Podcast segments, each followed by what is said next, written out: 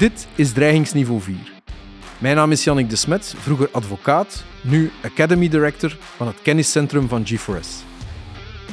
Kolonel Ivo Dierik studeerde aan de KMS en werd daarna verantwoordelijk voor de vliegveldbeveiliging van de luchthaven van Brustem.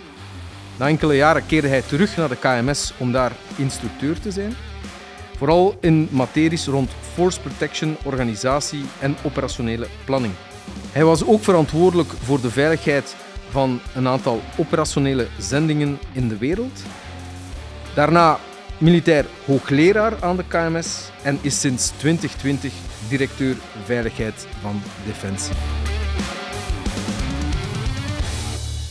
Kolonel Dierik, welkom in de Warande en bedankt om hier vandaag te zijn. Het is ons een eer en waar genoegen u hier vandaag te mogen ontvangen voor onze podcast. Zoals gewoonlijk gaan we het over drie dingen hebben. Hoe bent u geraakt waar u nu geraakt bent? Iets over veiligheid en dan meer, denk ik, eh, in, de, in het geopolitieke. En een laatste deel waar ik een drietal vragen heb voor u om te beantwoorden. U bent directeur Veiligheid Defensie en ik heb uw eh, cv kunnen overlopen. Ik heb gezien dat u uw studies hebt aangevat bij het KMS in uw jonge jaren. Waarom eigenlijk een keuze voor een militaire studie? Een beetje buiten wat er in onze familie ging. Ik ben de eerste die uh, beroepsofficier geworden is in onze familie. Mijn grootvaders hebben in uh, Wereldoorlog II hun dienst gedaan. ik heb daar heel veel verhalen over gehoord, heel veel interessante verhalen. Mijn vader heeft zijn legerdienst moeten doen in Duitsland op het moment dat het uh, niet zo leuk was. was de Vietnamtijd. En uh, eigenlijk hadden mijn ouders me min of meer verboden om, uh, om dat te doen. Maar ik heb, ik heb dat een beetje als een, een roeping gezien. Ja. Een roeping om ons land te dienen en om onze, ja, onze familie, onze, onze clan, onze welvaart, onze manier van leven eigenlijk uh, mee te gaan helpen verdedigen.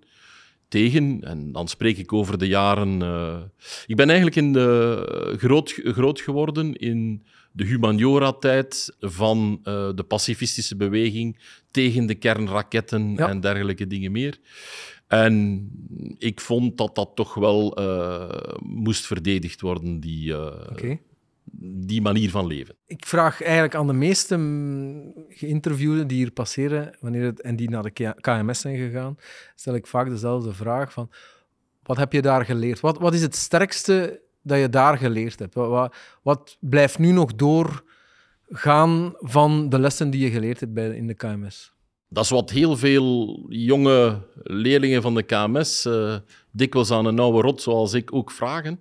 Uh, waarom doen we dit? Uh, we hebben ook al heel veel discussies gehad intern de defensiestaf over is dat nog wel van deze tijd om jongeren een volledig uh, curriculum voor een, een, master, of dat het nu is om burgerlijk ingenieur te worden of om een masterdiploma sociale militaire wetenschappen te, halen, te behalen, om, om dat effectief te gaan organiseren in de, in de militaire school.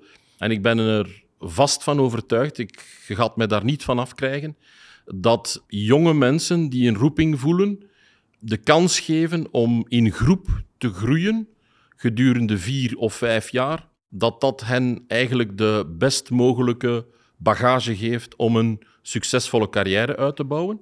Dat hoeft niet een carrière te zijn binnen Defensie. Uh, er zijn ook mensen die na, na verloop van tijd andere oorden opzoeken in de privé of in andere overheidsdiensten. Maar we zien toch dat mensen die de militaire school gedaan hebben, dat die een solide basis hebben in verschillende domeinen en dat die eigenlijk gewapend zijn om ja, zich overal goed te gaan voelen. Is het dan, is het dan leiderschapvorming? Of is het flexibiliteit? Of is het doorzettingsvermogen? Het is um, eigenlijk, eigenlijk all of the above, eh, zoals ik zou zeggen. Leiderschap is inderdaad iets wat niet zo, uh, zo snel kan gecultiveerd worden. Je kan, je kan wel cursussen volgen, uh, maar je moet het toch wel eens doen. Mm -hmm. De kans die je krijgt in de militaire school gedurende die vier of vijf jaar is om dat ook op gezette tijdstippen uit te oefenen, te proberen. Je mag falen, je hebt een, uh, een organisatie rondom jou die eigenlijk ervoor zorgt dat je uh, dingen kan uitproberen en dat je eens met je spreekwoordelijke bek tegen de muur kan gaan. Zijn er nog anekdotes uit die tijd? Is er een moment waarvan hij zegt, amai, dat was, ja, dat was toch wel een moment, hè? Eigenlijk eh, helemaal teruggaan, zelfs nog voor de militaire school. Ik heb, eh, ik heb nog even het geluk gehad om een, eh, een specialisatiejaar alvorens naar de KMS te gaan in Lier, eh, in de kadettenschool in Lier, bij de Intermachten. Daar is eigenlijk de basis, ook voor mij persoonlijk, eh, gelegd van eh, die interesse voor veiligheid. Ik spreek over 87, dat was nog in volle Koude Oorlog. En een van onze onderrichters, een van zijn eerste lessen die hij ons gaf, was ah, eh, het Russische gevaar, het Oostblok. En wij kregen les over militaire veiligheid. En een van de dingen die ik nooit ga vergeten is, ah, als je aan de telefoon bent, een militaire telefoon, telefoon, en je hoort een klik, dan moet je onmiddellijk de telefoon neerleggen. Want dan bestaat de kans dat we afgeluisterd worden. Ja. Dat zijn zo dingen, die, van die anekdotes die, die, die, die, je, die je bijblijven. We hebben dan een beetje daarna hebben we effectief ook het eh, IJzeren Gordijn kunnen gaan bekijken. En dat was toch wel, voor een 17-jarige op die moment, was dat toch wel een impressionant, eh, eh, een impressionant reisje, ervaring, om die Oost-Duitsers daar Ja. zo ons te zien bespieden. Van aan de KMS bent u naar de beveiliging gegaan, naar de vliegveldbeveiliging voor de luchthaven van Brustem. En dan bent u teruggekeerd, een beetje de cirkel rond om instructeur te worden. Of, of vergis ik mij, is dat de correcte gang van zaken? Ja, dat is, dat is heel correct. Ik ben, ben eigenlijk gans mijn carrière ben ik vliegveldverdediger. Nog altijd eh, beschouw ik mezelf als een vliegveldverdediger. Ehm, dat was mijn, eh, mijn militaire specialiteit. Maar voor een officier wordt er ook gevraagd dat hij gedurende zijn carrière eigenlijk een tweede luik, een tweede specialiteit ontwikkelt. Voor sommige mensen is dat human resources, voor anderen is dat materiaalmanagement. en mijn, mijn eigenlijke tweede carrière is het onderricht. Want ik ben in totaal twee keer teruggeroepen naar de militaire school. Eén keer als eh, promotiekader en eh, militair onderrichter. En een tweede keer naar het Defensiecollege als militair hoogleraar in het departement luchtoperaties. En heb je daar ook een evolutie gezien dan in de jongen, in de mensen? Soms zegt men wel eens, vroeger was het veel beter. Hè? De, de jongeren zijn veranderd. Hoe ziet jij daar nu? Want ja, als je twee keer gaat opleiden, dan kun je wel vergelijken. Hè? Absoluut. Onze maatschappij is veranderd. Ik ben op een boerderij grootgebracht en alhoewel dat eh, mijn grootvader en zijn boerderij het goed gedaan hadden en wij al een badkamer en een wc binnen hadden, waren eh, mijn vriendjes van dezelfde leeftijd waar hun ouders boeren waren, die hadden soms nog geen badkamer of die hadden een, eh, een gat boven, boven een, in een plank waar Ja. dat ze naar het toilet moesten gaan. Dat heb ik dus ook meegevolgd, die evolutie. En daar is het voordeel, denk ik, als je eh, regelma op regelmatige basis terug in contact komt met de jeugd, eh, als je blijft gelinkt met, met, met, eh, met die mensen, dan kan je wel die evolutie een klein beetje volgen. Is het veranderd? Ja. Was het vroeger beter? Nee. Het is alleen nostalgischer hoe, dat wij, het, Ja. hoe dat wij daarnaar terugkijken. Het is geen kwestie van of dat het in, in het verleden allemaal beter was, ja of nee. Ik vind wel dat we, moeten, dat we dan die evoluties moeten, moeten echt volgen en dat we moeten trachten die evoluties te, te begrijpen. En we moeten ons kunnen inleven in de, de leefwereld van, eh, van de jeugd. En dan kunnen we hen ook aanspreken. Dan kunnen we hen ook motiveren om. Op deze moment, ik zit tegen het einde van mijn carrière, mag ik nog steeds, heb ik nog altijd het voorrecht om les te geven. Ik heb gisteren nog les gegeven, eh, bijvoorbeeld. Ik heb ook eh, heel veel jonge mensen die ik mag aannemen in onze dienst. Eh, en dan spreken we over mensen die net, net afgestudeerd zijn van de universiteit. Dus ja, dat is wel heel leuk om, om dat te kunnen blijven U volgen. geeft les in, als, en verbeter mij als ik mis ben, hè, organisatie, operationele planning en force protection. Ja. Eh, organisatie, ik kom daar graag later nog even op terug. Maar force protection, wat is dat eigenlijk? Maar dat is de moderne term van een vliegveldbeveiliger. Ah, oké. Dus eh, dat is de, de, de, Engelse, de Engelse term die door de, door de Engelse Royal Air Force is, is eigenlijk geïntroduceerd binnen de NAVO. Vroeger spraken we eh, binnen de, de, de, de NAVO-luchtmachten van ehm, survive to operate. Hè? Dus overleven om het, het gevecht verder te kunnen zetten. Eh, maar dat eh, op een bepaald moment ehm, ging dat, dat, was niet, dat was niet meer zo modern.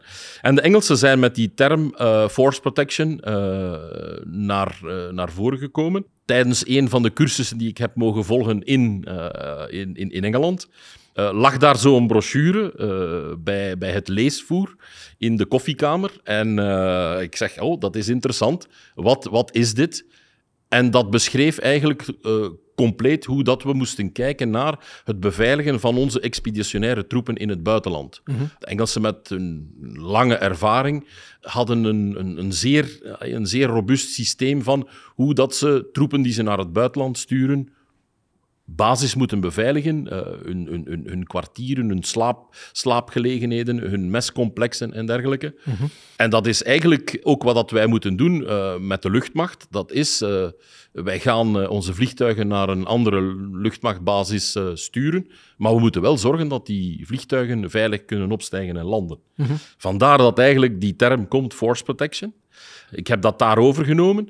Dat is zo een klein beetje in, uh, in de Belgische luchtmacht is dat zeer snel overgenomen.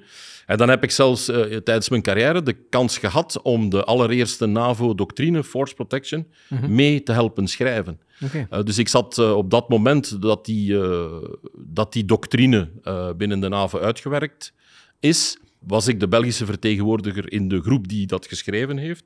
En ongeveer 30% van de eerste, allereerste tekst kwam gewoon uh, van mijn hand. Mooi. En dan hebben we dat natuurlijk uh, in de luchtmacht gezegd. We gaan niet meer spreken over de vliegveldbeveiliging, maar over force protection. Ah, in, kader, in dat kader, ik herinner mij nog goed, ik denk dat dat eind jaren tachtig moet geweest zijn, dat de aircommando's werden uh, opgericht. Ja, dat is eigenlijk op het einde gebeurd van de, van de legerdienst. Dat was een dat was een poging om, ehm, wanneer dat het al op het einde van de, van de, de, de, de, verplichte legerdienst niet meer zo leuk was, was dat eigenlijk een poging van, uh, van een een briljant uh, officier. Om te zeggen, we gaan daar ook een mooie term aan geven. We gaan die mensen ook wat meer buitenactiviteiten laten doen. We gaan hen eens uh, aan de rotsen laten hangen. We gaan hen laten rappellen. We gaan hen dead rides laten uitvoeren. we gaan hen ook bekwamen in, in gevecht schieten. Maar dat was, eigenlijk, dat was eigenlijk vooral een poging om voor de, de, de, de miliciëns eigenlijk iets te geven om naar uit te kijken. Dat ze zichzelf eigenlijk um, gedurende hun legerdienst ook nuttig konden bezighouden en iets gingen leren. En vooral zeer, zeer uh, ja, uh, uitdagende activiteiten te doen. Wij hebben dan nog steeds behouden, uh, dat systeem. Waarom? Omdat wij, omdat wij onze vliegveldverdedigers eigenlijk willen voorbereiden op uitdagende taken om die vliegtuigen te beschermen. Mhm. En bijvoorbeeld bij de, e de, evacuatieopdracht vanuit Afghanistan zijn er aircommando's meegegaan om de vliegtuigen te beschermen.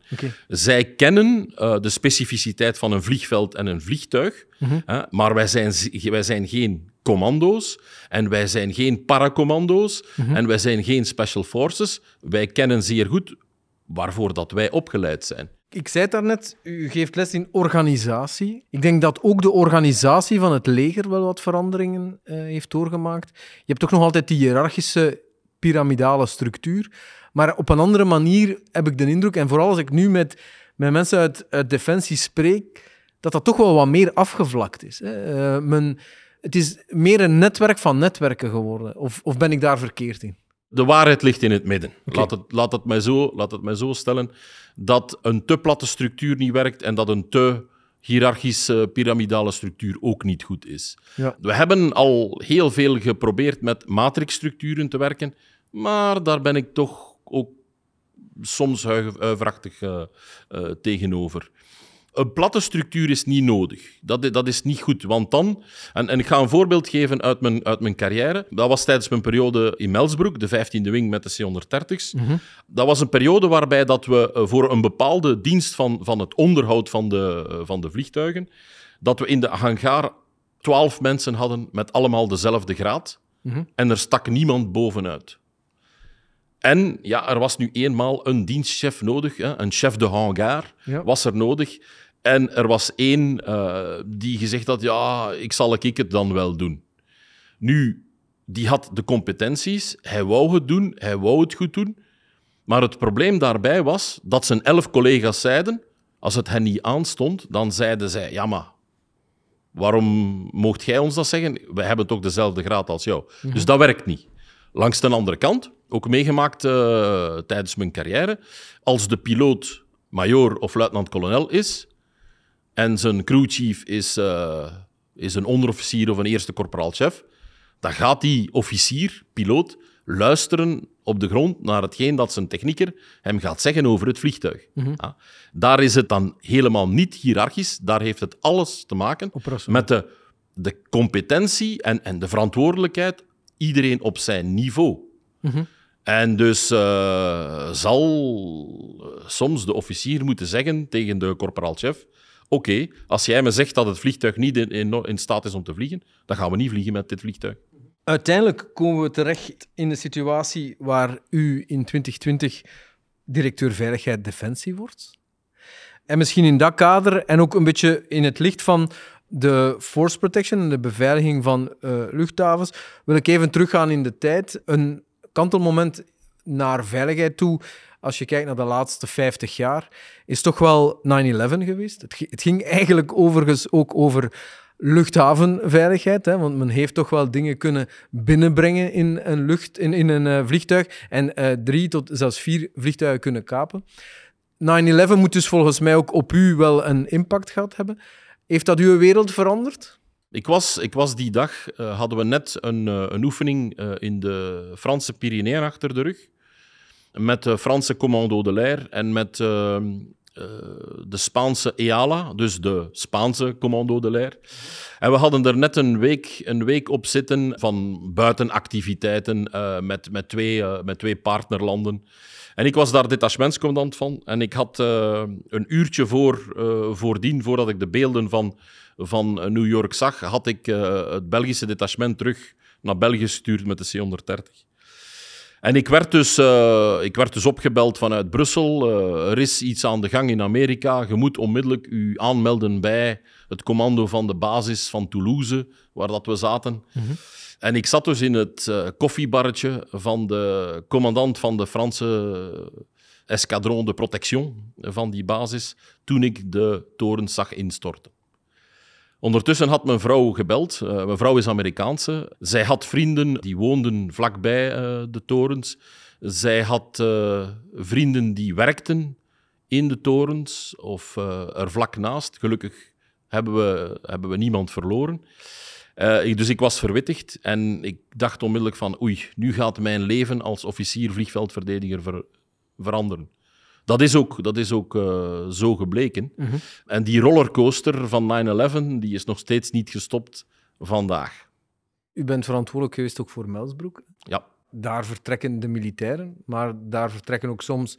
De koning vertrekt daar, by the way, ook. Uh, heeft u daar moeten... Allee, is, is er daar in uw wereld veel veranderd? Heeft u daar moeten veel in, ingrijpen uh, na die voorval, na 9-11? Absoluut, absoluut. Want uh, een hele pertinente anekdote daarover. Dus 9-11, ik moest dan met de kolonne van onze voertuigen terugkomen naar België. Uh, mijn baas riep me bij zich en zei van Ivo, er gaat van alles veranderen. Uh, kijk eens na hoe dat wij de veiligheid van de 15e wing kunnen veranderen. Ik was toen nog maar stafofficier op de staf van de luchtmacht. Maar bon, ik stuurde al, onze, al onze eenheden op het gebied van veiligheid mee aan.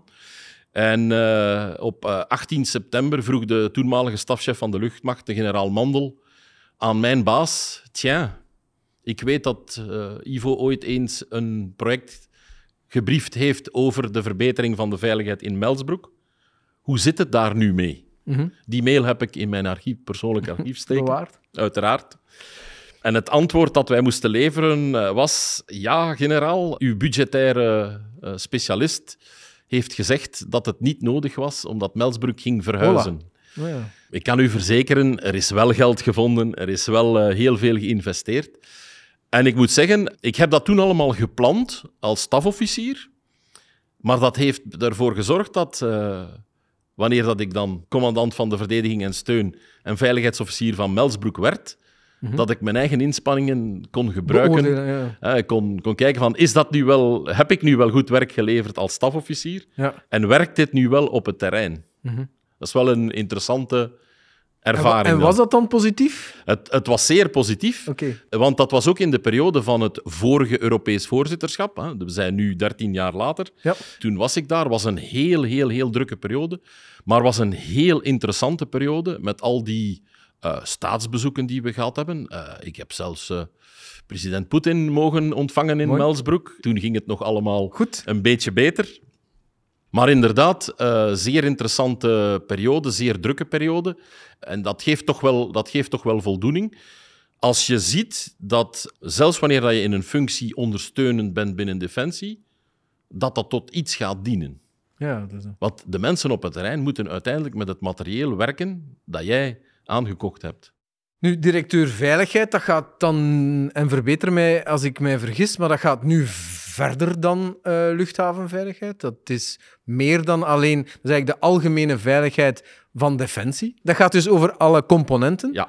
Zijn er daar nog uitdagingen nu waarvan u zegt, kijk, daar botsen we nu toch wel op? Uitdagingen zijn er altijd. Waar dat we op dit moment het meest mee geconfronteerd zijn, is de, de uitstroom van het personeel van mijn leeftijdscategorie, die, die massaal is, en het recruteren van, nieuw, eh, van nieuwe mensen. Wanneer dat we dan spreken over de dimensie veiligheid, en dat is een van de dingen die ik gisteren nog in de cursus heb eh, uitgelegd, het is nu het moment om de kennis door te geven aan de jonge generaties die we gaan recruteren en opleiden. Eh, er is heel veel expertise die op dit moment verdwijnt uit Defensie. De oude rotten gaan eruit. En het is eh, zeer belangrijk dat we nu doorgeven eh, aan de jongere generaties waar dat zij moeten opletten. Daarom dat ik daarnet de anekdote heb aangehaald van mijn onderrichter in Lier. ah, ik ga dat nooit vergeten. Ja. Dat is waar dat we, dat, we, dat we toch wel heel veel uitdagingen zien. We hebben elkaar al ontmoet. eh, toen op een event georganiseerd door Tom Sauer, een professor die we hier ook op de podcast hebben uitgenodigd. En dat ging toen over insider threats. Het feit dat er natuurlijk ook, zoals in elke organisatie, wel mensen zijn die het misschien niet altijd even goed bedoelen met de organisatie waarin ze actief zijn. Is dat ook iets dat Defensie bezighoudt nu? Dat is mijn werk. Ah ja, oké. Dat is basically... Oké. Als directeur veiligheid ben ik daarvoor verantwoordelijk. Ja. Dat, eh, dat is ook wettelijk bepaald in de wet die, die onze dienst regelt. Dus voor wat betreft eh, de meeste gevallen, eh, wanneer dat het gaat over het probleem van insider threat, die komen allemaal op mijn, op mijn bureau terecht voor behandeling. Het is, eh, het is uiteraard niet, eh, niet een eenmans eh, probleem. Wij hebben daar een heel team voor en wij consulteren veel mensen, want het probleem van de insider threat, we hebben, we hebben er al een aantal gehad binnen Defensie, is natuurlijk iets dat niet zo, niet zo eenvoudig is. En, en wij doen dus een, een opvolging, zowel van wat betreft de kandidaten. Ja. Wat, wat hebben de kandidaten uitgespookt Screening. Voordat zij eh, bij Defensie komen. Uh, maar ook het opvolgen van de, de, de, de, de betrouwbaarheid van onze mensen, dus de veiligheidsmachtigingen, uh, die zitten ook bij mij. En dus wij volgen dat, wij volgen dat eigenlijk dagelijks op. En wij proberen daar te kijken van wat, wat, wat gebeurt er nu? Wat zijn de trends? Uh, waar moeten we voor opletten? Zijn er veranderingen? Moeten we bijsturen? Uh, binnen, uh, binnen Defensie. Een andere uh, gast die we gehad hebben is Chris Bombeke. U goed bekend, want hij heeft over u gesproken in zijn podcast. En hij had het daar ook over de fysische veiligheid. Er is nog een pak infrastructuur in België, los van de luchthavens, gaan, hè, een aantal kazernes. En hij heeft daar een, een boek over geschreven, heeft een, een manual eigenlijk geschreven. En uh, u was zijn promotor daarin, dacht ik, of vergis ik mij? Wel, ik was uh, de projectleider van, uh, van het herschrijven van de onderrichting Militaire Veiligheid voor Defensie. En Chris was uh, degene die de pen heeft vastgehouden en die eigenlijk het team heeft aangestuurd dat het eigenlijke, het eigenlijke werk geproduceerd heeft.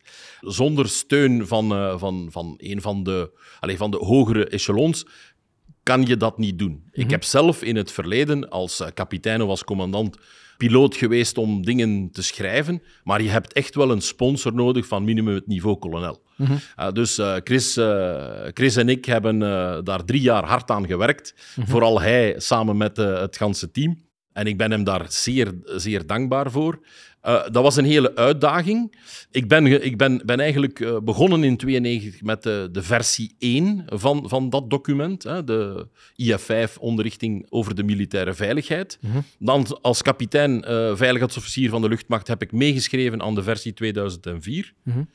En toen ik in 2020 directeur veiligheid werd, dan dacht ik, nu wordt het tijd om een nieuwe versie te produceren.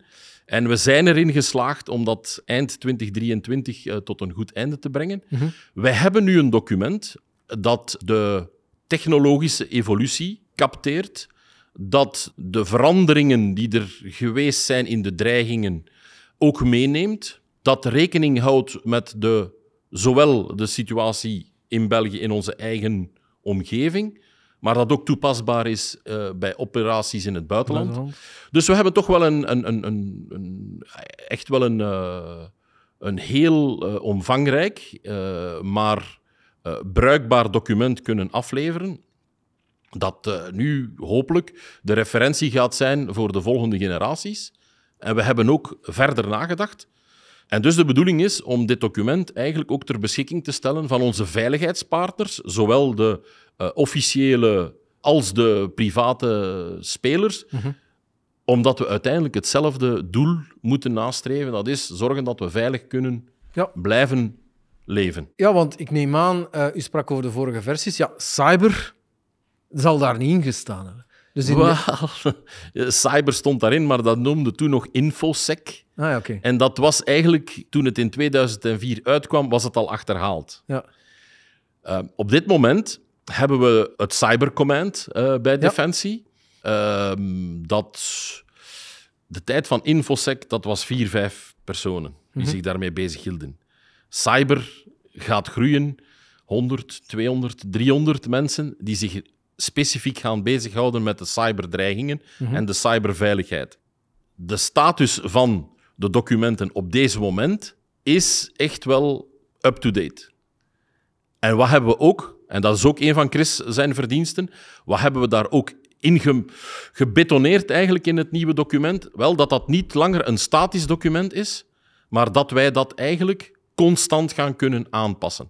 Dus hij heeft een procedure erin verweven die, die ons eigenlijk toestaat, maar ook eigenlijk een klein beetje dwingt mm -hmm. om constant na te gaan. Is hetgeen dat hier staat nog steeds relevant, toepasbaar, of moeten we dit herzien? En het kan nu op vraag van gebruikers, op vraag van uh, materieelbeheerders, wanneer dat er nieuwe mm, technieken mogelijk zijn, of wanneer dat er zaken veranderen, zoals oké, we gaan misschien opnieuw uh, beroep moeten doen op de burgersector voor bepaalde uh, diensten te leveren voor defensie, dan gaan we eigenlijk onmiddellijk kunnen die onderrichting aanpassen, zodanig dat ze steeds up-to-date blijft. -hmm. Zeker in het cyberdomein. De dreigingen evolueren. Zeker ook de staatsgebonden dreigingen. Hè. De Russische beer is weer wakker geworden. Uh, de Chinese draak vliegt af en toe over ons hoofd. Of, of de Persische tijger achtervolgt ons nu en dan. Als je die situatie bekijkt, verbeter mij maar. Vormen die, die beer, die draak en een tijger echt een gevaar voor ons? Moeten wij daar echt ongerust over zijn? Of is dat iets voor in de James Bond verhaal? Ik denk niet dat dat voor de James Bond-verhalen is. Uh, ik denk dat je het goed samenvat uh, wat de grootste dreigingen zijn voor de westerse wereld uh, op dit ogenblik. Dat concretiseert zich zeer, zeer, zeer sterk op deze moment. We zitten in tijden, het begin van 2024 is, is iets ganz anders dan 2020. Als ik terugga naar uh, eh, 2020, deze tijd, corona was er nog niet geweest. Hè? En de Russische inval in Oekraïne was nog niet gebeurd. Mm -hmm. Dus ja, er zijn dreigingen. En we moeten die dreigingen toch wel plaatsen in het kader van dat, uh, dat er een aantal, uh, een aantal landen, wereldspelers, zich op deze moment aan het afzetten zijn zeer duidelijk, zeer openlijk tegen de westerse manier van leven.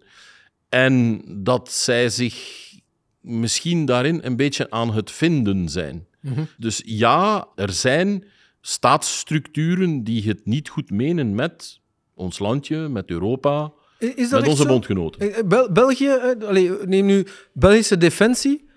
Moet Belgische, zo'n klein landje met een, een aantal F-35'en nu, hopelijk snel. In vergelijking met, hè, ik vergelijk alleen maar, eh, met alle respect, maar ik vergelijk met andere landen, eh, zoals Frankrijk en de UK. Is dat zo dat, dat men echt ook naar België kijkt vanuit die landen? Absoluut. Waarom? Juist omdat we klein zijn en omdat we misschien niet het grootste gewicht hebben en dergelijke, kunnen ze denken, ze kunnen, ze kunnen zich dat, dat indenken dat het misschien gemakkelijker is om via de kleintjes Ah, oké. tweedracht te zaaien. Ja. Wij zijn met, met, met Brussel in Europa, eh, Brussel in de wereld. Wij zijn een kruispunt van.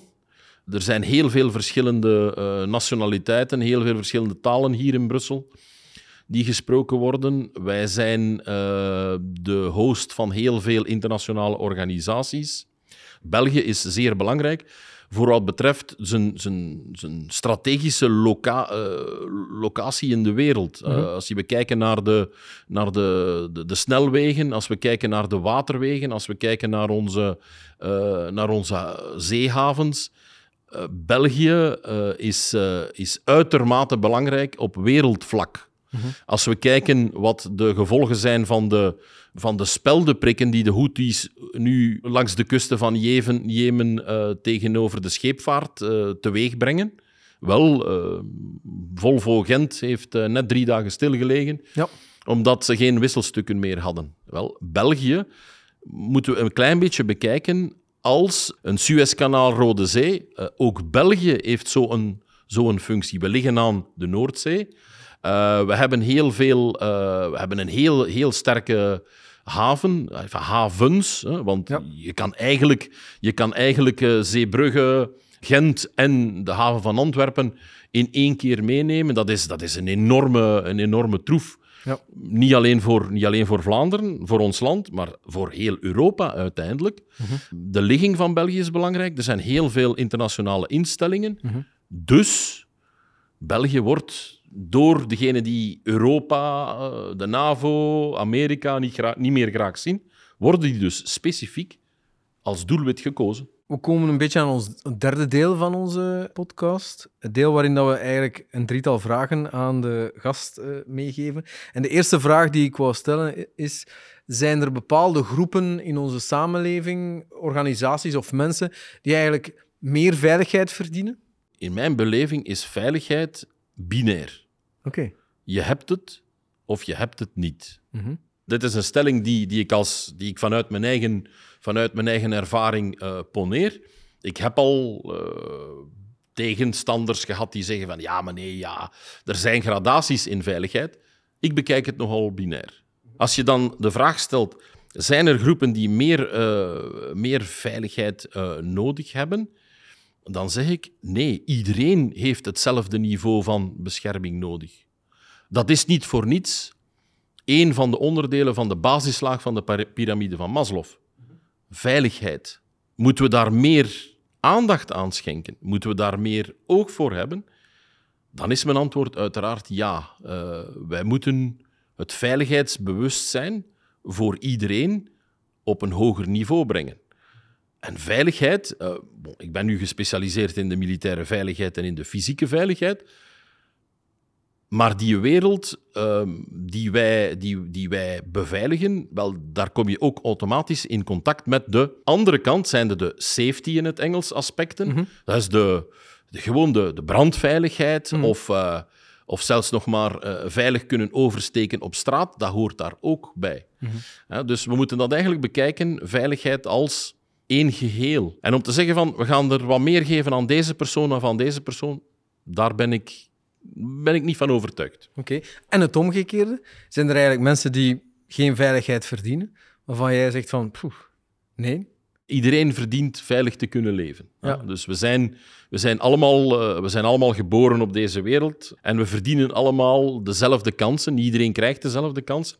Ik zorg ervoor dat iedereen uh, recht heeft op hetgene waar, waar dat hij recht op heeft. En veiligheid, dat staat voor mij zeer, zeer duidelijk uh, uh, bij die basislaag van Maslow.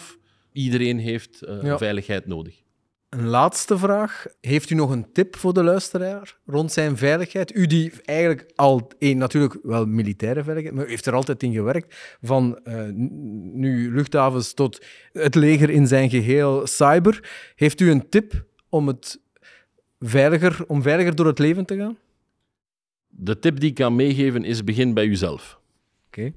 Vooral bij uw gedragingen en vooral met echt wel eens na te denken over welke stappen in mijn leven kan ik zetten om mezelf of mijn gezin of mijn omgeving of mijn bedrijf of mijn organisatie niet in gevaar te brengen. Mhm. En dat gaat hem vooral over de eerste stap die we ons altijd moeten afvragen binnen de beveiliging. Dat is welke organisatorische maatregelen moeten we in plaats stellen die 0 euro kosten Mhm. om ervoor te zorgen dat, het, dat, het, dat, dat, dat, we, dat we kunnen goed starten. Heel veel veiligheidsproblemen proberen we op te lossen door meer technologie en meer uh, toeters en bellen en meer geld uit te geven. Nu, je mag de zwaarste panzerdeur installeren in je huis als je vergeet om de deur te sluiten. En dat is een organisatorische maatregel. Dat is een procedure, ja, inderdaad. Hetzelfde met, hè, dus begin bij jezelf, hetzelfde met je, je kwetsbaar opstellen in het cyberdomein. Want we zien inderdaad een, een verschuiving naar dat uh, cybercriminaliteit, naar uh, spionage uh, in het cyberdomein. Daar is ook opnieuw de vraag van, hoe stel ik mezelf bloot? Hm? Mhm. Um, is het noodzakelijk dat ik op voorhand aankondig dat ik uh, binnen twee dagen op die of die plaats ga zijn? Dat zijn organisatorische maatregelen. Mhm. Dus wanneer dat het komt op een tip is, wel, denk eerst eens zelf na en uh, zorg eerst door je gedragingen dat je zonder geld te spenderen eigenlijk al meer veilig gaat werken. Oké, okay. Dank u wel en dank u wel voor de luisteraars. Um, kolonel, het was mij een waar genoegen. Uh, een aantal interessante inzichten. En uh, ik dank u heel veel voor uh, dit gesprek. Met veel plezier gedaan. Fijn dat je naar deze aflevering van Dreigingsniveau 4 luisterde. Deze podcast wordt gesponsord door GeForce.